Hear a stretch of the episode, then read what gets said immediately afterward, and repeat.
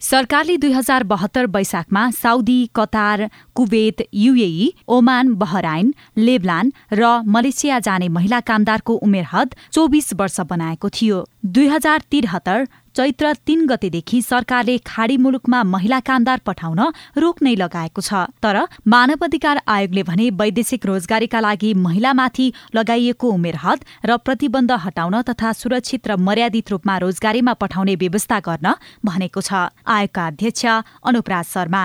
अनि महिलाहरूलाई एउटा पद्धतिभित्र ल्याउने पुरुषलाई अर्कै पद्धतिभित्र ल्याउने त्यो चाहिँ मिल्दैन। महिलाहरूको शोषण रोक्ने उपाय पो त्यस कारण धेरै चिजमा गम्भीरतापूर्वक सोच्नुपर्ने बेला आएको छ। आयोगले आज सार्वजनिक गरेको आप्रवासी कामदार भर्ना अभ्यास र न्यायमा पहुँच अनुसन्धान प्रतिवेदनमा प्रतिबन्ध र उमेर हदलाई महिलामाथिको विभेद मानेको छ र महिलालाई आफ्नो निर्णय गर्ने अधिकार प्रदान गर्न भनेको छ। प्रतिवेदनले वैदेशिक रोजगारीमा जाने महिला कामदारमाथि गम्भीर ज्याजती र जोखिम हुने गरेको उल्लेख गरेको छ।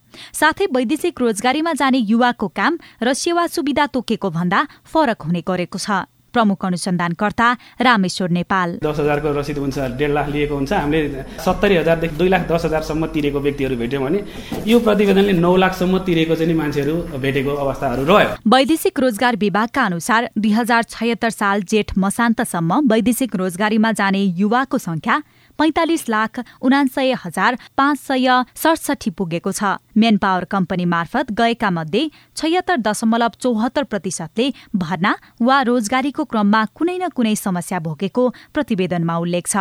उनीहरूको समस्या समाधानका लागि वैदेशिक रोजगार विभागले काम गरिरहेको विभागका महानिर्देशक डाक्टर भीष्म कुमार भूषालको भनाइ छ। खास गरी उजुरीको कानुनी कारवाहीको सवालहरू विभिन्न दफाहरू आकर्षित हुने सवालमा हामी आएपछि यसको प्रारम्भ चाहिँ गरिसकेका छौँ र थुप्रैलाई वैदेशिक रोजगार ऐनको दफा जुन जुन आकर्षित हुन्छ त्यस बमोजिम कारवाहीको प्रक्रिया गरिरहेको पनि छौँ। वैदेशिक रोजगारीमा जानेहरू शोषणमा परेको र उनीहरूको मानव अधिकारको हनन भएको भए पनि सरकारको कदम प्रभावकारी नभएको मानव अधिकारको क्षेत्रमा काम गर्नेहरू बताउँछन्।